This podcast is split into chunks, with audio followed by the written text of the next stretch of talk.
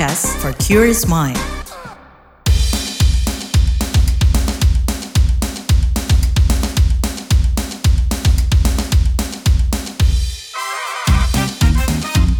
What's Trending KBR Pagi, siaran pagi radio paling update.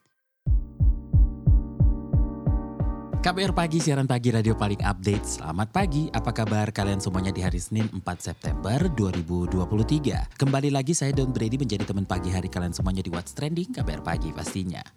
Jadi media sosial itu digegerkan kasus 19 siswi di Lamongan dipitaki oleh gurunya lantaran tidak menggunakan ciput. Ciput adalah dalaman hijab yang berguna untuk menjaga rambut agar tidak keluar dari hijab. Nah, guru bahasa Inggris sekaligus pembina pramuka di SMP Negeri 1 Sukoda di Lamongan mempermasalahkan rambut siswi-siswi yang mencuat keluar dari hijab karena tidak memakai ciput. Lantas, sang guru mencukur pitak rambut bagian depan siswi kelas 9 dengan gunting elektrik. Viralnya kasus ini membuat Dinas Pendidikan Kabupaten Lamongan turun tangan dan memastikan sang guru disangsi sementara tidak boleh mengajar. Sang guru juga bakal dibina oleh dinas terkait. Sementara itu menurut pengurus besar Nadatul Ulama, ciput bukanlah atribut wajib dalam agama. Nah kita bakal bahas persoalan ini lebih lanjut setelah komentar netizen plus 62 berikut ini.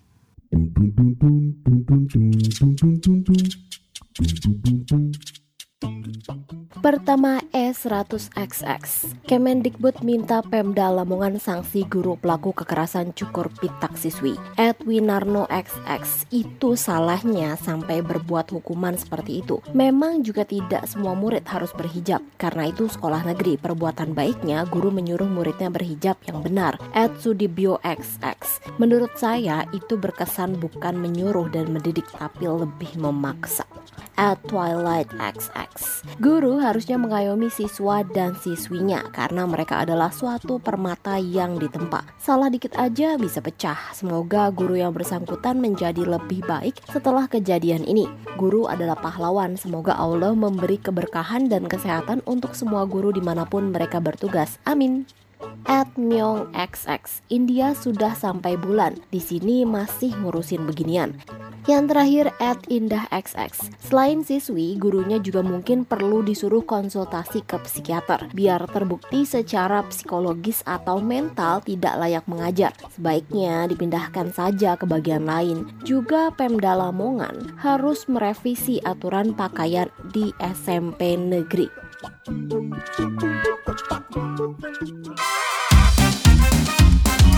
Trending KBR Pagi, siaran pagi radio paling update.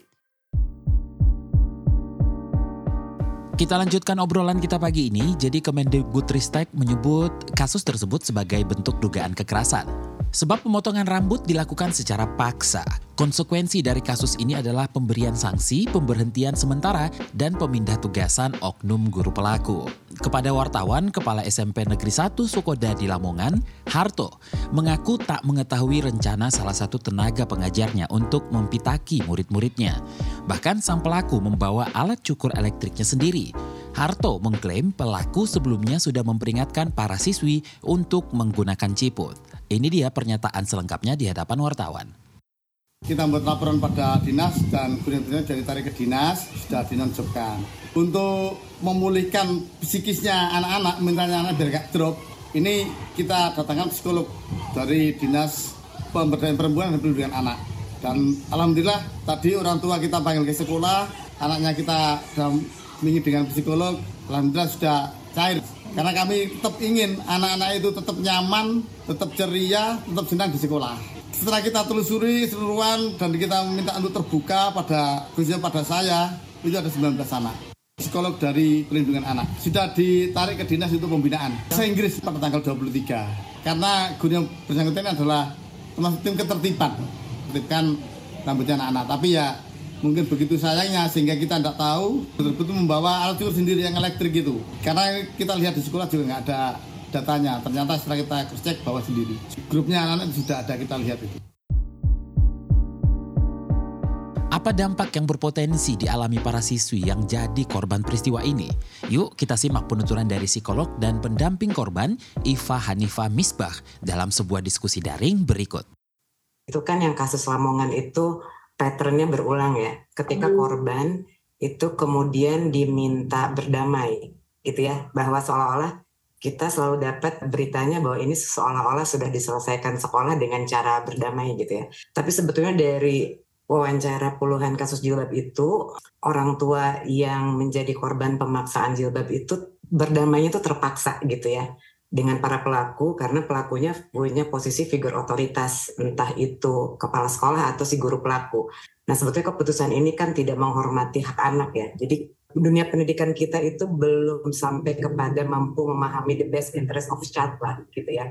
Masalahnya apa? Kenapa damai itu kesannya kan konotasinya baik ya gitu ya. Tapi justru itu tidak memberikan korban apalagi anak-anak kita, anak-anak perempuan hak atas keadilan gitu. Karena langkah berdamai ini itu merugikan anak karena mereka masih trauma melihat pelakunya tetap berada di sekolah di psikologi ini uh, saya menemukan bahwa para penyintas itu mengalami konflik dengan tubuh karena merasa tidak memenuhi standar moral sebagai perempuan yang baik gitu ya.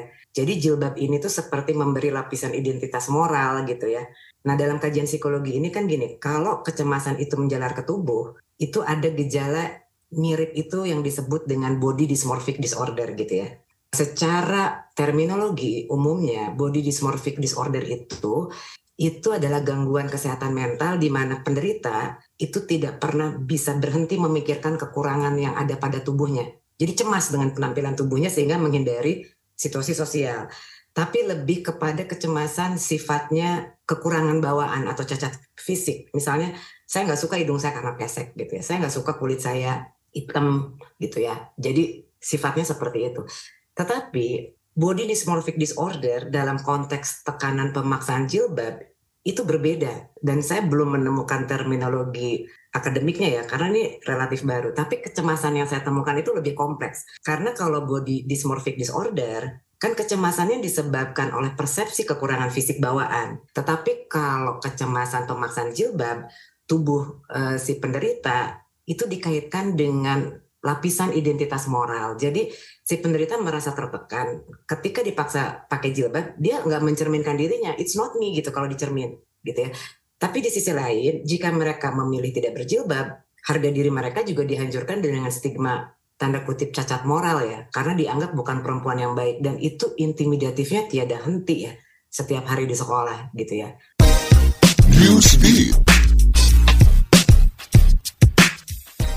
Presiden Prancis Emmanuel Macron mengaku tak berkompromi soal larangan abaya di lingkungan sekolah dan institusi. Pernyataan ini dikeluarkan usai sebagian masyarakat memprotes larangan tersebut. Larangan abaya resmi diterapkan di sana mulai 4 September 2023. Menteri Pendidikan Prancis Gabriel Attal menganggap abaya melanggar hukum sekuler di dunia pendidikan. Kata dia, dunia pendidikan harus bebas dari simbol-simbol tertentu. Banyaknya pelajar yang menggunakan abaya di sekolah disebut menimbulkan sejumlah ketegangan. Finlandia melakukan uji coba penggunaan paspor digital ke wilayah Eropa. Uji coba ini dilakukan pada penerbangan ke Inggris sebagai pembangunan infrastruktur paspor digital. Rencananya, jika uji coba penggunaan paspor digital di Finlandia berhasil, maka ke depannya pelancong-pelancong yang memasuki negara tersebut tidak perlu lagi membawa paspor fisik. Pemerintah Finlandia juga membuka kesempatan bagi turis dan masyarakat yang ingin menjadi sukarelawan paspor digital atau Digital Travel Credential DTS. Bagi pemerintah Finlandia, paspor digital lebih cepat dan mudah diproses, hingga prosedur pengecekannya bisa lebih singkat. Jepang mulai memperkenalkan dan mengedukasi soal lalu lintas di tataran sekolah dasar. Otoritas di Jepang menggunakan stuntman salah satunya untuk menunjukkan bahaya bersepeda dengan kecepatan tinggi. Sebab kondisi itu berpotensi menyebabkan pengendara mengalami kecelakaan dan tertabrak kendaraan lain. Stuntman dianggap mampu menggambarkan berbagai bahaya kecelakaan lalu lintas dengan lebih nyata. Bahkan beberapa anak sekolah dasar terpukau hingga mampu mencerna seberapa penting menjaga keselamatan berlalu lintas.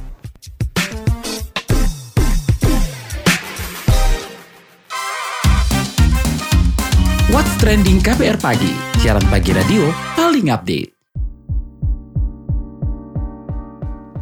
Kita masih ngobrolin viral belasan siswi SMP di Lamongan dipitaki lantaran tak pakai ciput. Nah kali ini kita mau bahas persoalan haruskah atribut agama tertentu dipaksakan di satuan pendidikan. Yuk kita tanyakan ke Ketua Yayasan Cahaya Guru atau YGC, Heni Supolo.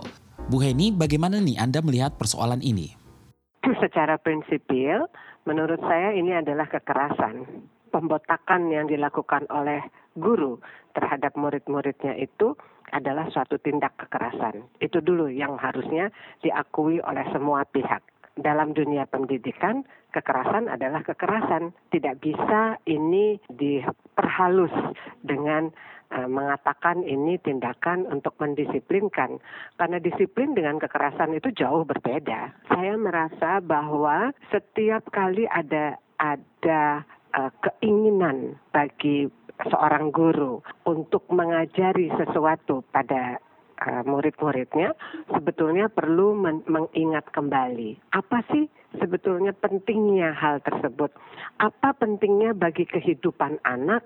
Apa pentingnya untuk pengembangan potensinya secara optimal? Apa pentingnya untuk masa depannya gitu. Semua itu harus bisa dijawab dengan baik. Harus ada satu pemahaman sendiri mengenai mengapa itu dianggap penting. Nah, sampai saat ini saya belum bisa menemukan mengapa ciput itu penting, apalagi ini di sekolah negeri.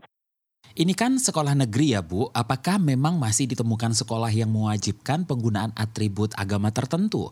Bukankah sekolah negeri tidak boleh memaksakan atribut tertentu?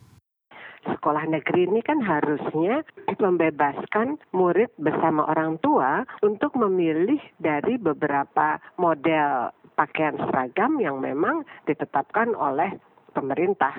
Sekolah negeri itu patut menjadi sekali lagi patut menjadi penyemai uh, terdepan dari keragaman murid karena namanya aja sekolah negeri. Jadi menyeragamkan dengan melarang atau mengharuskan uh, jilbab itu memang tidak tepat untuk sebuah sekolah negeri. Pada saat orang-orang dewasa atau guru itu melanggar hak anak untuk mengekspresikan dirinya sendiri, sebetulnya yang dicerabut dari anak itu adalah kemandiriannya. Padahal kemandirian itu sangat dibutuhkan untuk menyiapkan dirinya menuju masa depan yang gemilang.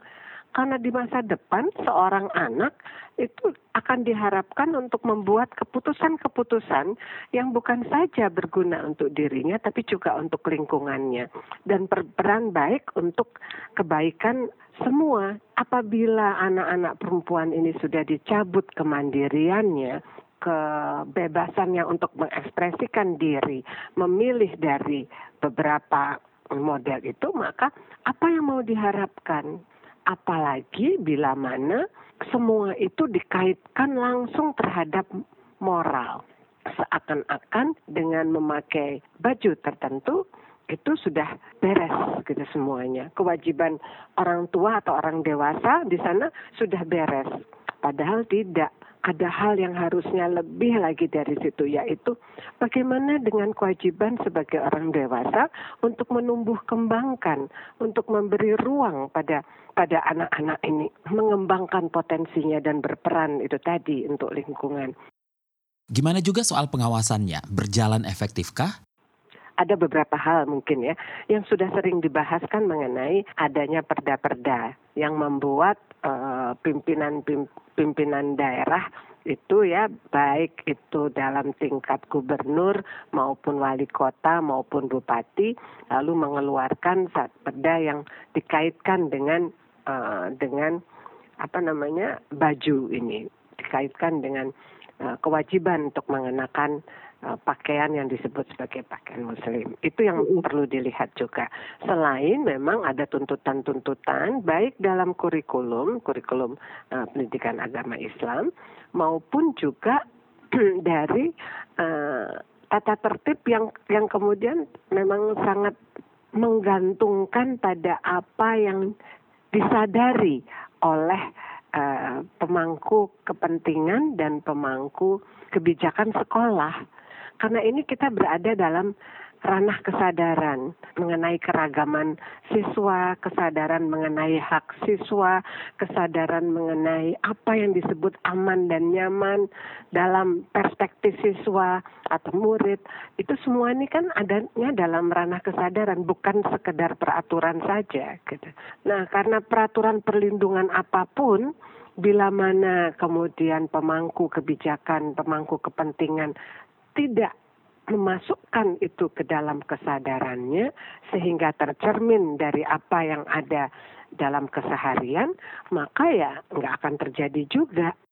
Apakah perlu adanya pemahaman terhadap para guru supaya tidak memaksakan atribut tertentu? Sangat penting. Sebetulnya secara sederhana ya, bila mana semua pendidik, jadi bukan hanya guru, tapi guru, pengawas, orang tua, semua saja ya yang termasuk tenaga kependidikan, semua saja yang masuk ke dalam alam perguruan, alam keluarga, dan juga alam masyarakat atau pergerakan, ini menyadari pentingnya setiap anak dipersiapkan untuk memasuki masa depan, maka tentunya juga pengembangan kemampuan seorang anak untuk bekerja sama, untuk berkomunikasi, untuk berpikir uh, kreatif dan kritis, berpikir secara kritis itu tentu akan akan menjadi prioritas dasar untuk pengembangan mereka. Kita bisa masuk dari itu sebetulnya bahwa kalau kita sungguh-sungguh gitu ingin menjalankan tugas sebagai pendidik, maka itu harus dikembangkan. Dan kalau kita mengatakan kita ingin mengembangkan kemampuan seorang murid untuk bekerja sama, tentu bagian dari itu, bagian terbesar adalah menciptakan ruang-ruang perjumpaan dari keragaman kan, membotaki bagian-bagian dari rambut itu sebetulnya penghinaan terhadap martabat perempuan, melanggar kemanusiaan. Jadi gitu. Jadi kalau pertanyaannya penting atau tidak, sangat penting.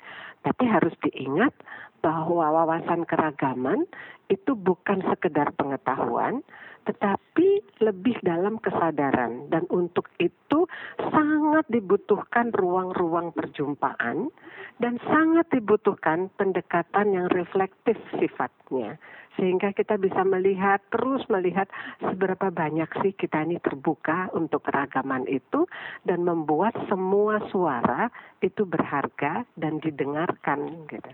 Gimana seharusnya persoalan ini ditangani? Suatu kekerasan dan penghinaan di depan umum itu memang pasti akan membuat trauma mengatakan bahwa sudah damai itu sebetulnya memperlihatkan seberapa seberapa dalam pemahaman orang-orang di sekitar mengenai kekerasan. Karena perdamaian tuh nggak bisa dalam kekerasan. Karena ada trauma yang harus diatasi, ada kekerasan yang harus ditindaklanjuti, dan juga harus ada suatu pemeriksaan-pemeriksaan di mana lalu akan memperlihatkan seberapa banyak sih sebetulnya kekerasan-kekerasan sudah terjadi. Karena jangan-jangan ini bukan yang pertama di sana juga. Banyak fase yang masih harus dilakukan untuk kasus ini. Dan memang betul bahwa ini bukan kasus yang pertama. Terlalu banyak sudah terjadi kekerasan-kekerasan yang berdasarkan uh, dari pemaksaan uh, mengenakan jilbab Gitu. Terima kasih Ketua Yayasan Cahaya Guru Heni Supolo.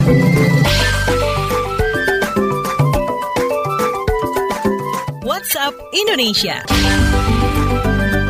WhatsApp Indonesia kita mulai dari Buleleng, Bali. Kementerian Pemberdayaan Perempuan dan Perlindungan Anak Kemen PPPA mendorong aparat penegak hukum APH mengusut tuntas kasus dugaan kekerasan seksual pada anak yang terjadi di Kabupaten Buleleng, Bali. Deputi Bidang Perlindungan Khusus Anak Kemen PPPA Nahar menyebut kasus ini terdeteksi dari indikasi penyakit kelamin yang dialami korban. Korban kemudian dibawa ke bidan dan mendapat rujukan untuk melakukan visum di rumah sakit. Hasil visum forensik membuat orang tua melaporkan temuan tersebut ke unit PP Polres Buleleng. Dari hasil pemeriksaan dan penyelidikan awal dengan sejumlah saksi, korban diduga mengalami kekerasan seksual. Kini P2TP2A Kabupaten Buleleng terus memastikan korban mendapatkan layanan yang dibutuhkan. Salah satunya adalah layanan pendampingan hukum. Selanjutnya ke Jakarta. Usai diresmikan Presiden Joko Widodo mengatakan wajah baru Taman Mini Indonesia Indah TMII mengembalikan semangat dari Butin Soeharto, di mana revitalisasi TMII dianggap mampu membuka ruang terbuka hijau, di mana sekarang 70% kawasan TMII merupakan ruang terbuka hijau dan 30 persennya bangunan. Gak nanggung-nanggung, Jokowi menyebut pemerintah menggelontorkan dana lebih dari satu miliar untuk memperbaiki museum dan anjungan-anjungan. Konsep Inclusive Culture and Smart dianggap Jokowi mampu menjadi tempat wisata dan ikon pariwisata di Jakarta makin melambung. Terakhir kita ke kabar parekraf. Gak mau kalah dengan Korea Selatan, Menteri Pariwisata dan Ekonomi Kreatif Sandiaga Uno menyebut kalau Korea punya drakor, Indonesia punya drahor atau drama horor. Menurut Sandi, perkembangan film horor di Indonesia sangat bagus dan potensial, tak kalah kualitasnya dengan drama Korea. Tidak hanya menyeramkan, film-film horor di Indonesia memiliki berbagai jenis hantu sesuai dengan latar ceritanya. Bahkan dari 10 film Indonesia terlaris pada tahun ini, 6 di antaranya film horor. Sandi mengatakan produksi drama dan film horor sangatlah potensial. Di kesempatan yang sama, Sandi juga menyejajarkan antara musik K-pop dengan Dekop, yaitu dangdut koplo. Dangdut koplo dianggap memiliki daya tarik kuat hingga siapa pun yang mendengarkan pasti berjoget. Demikian WhatsApp Indonesia hari ini.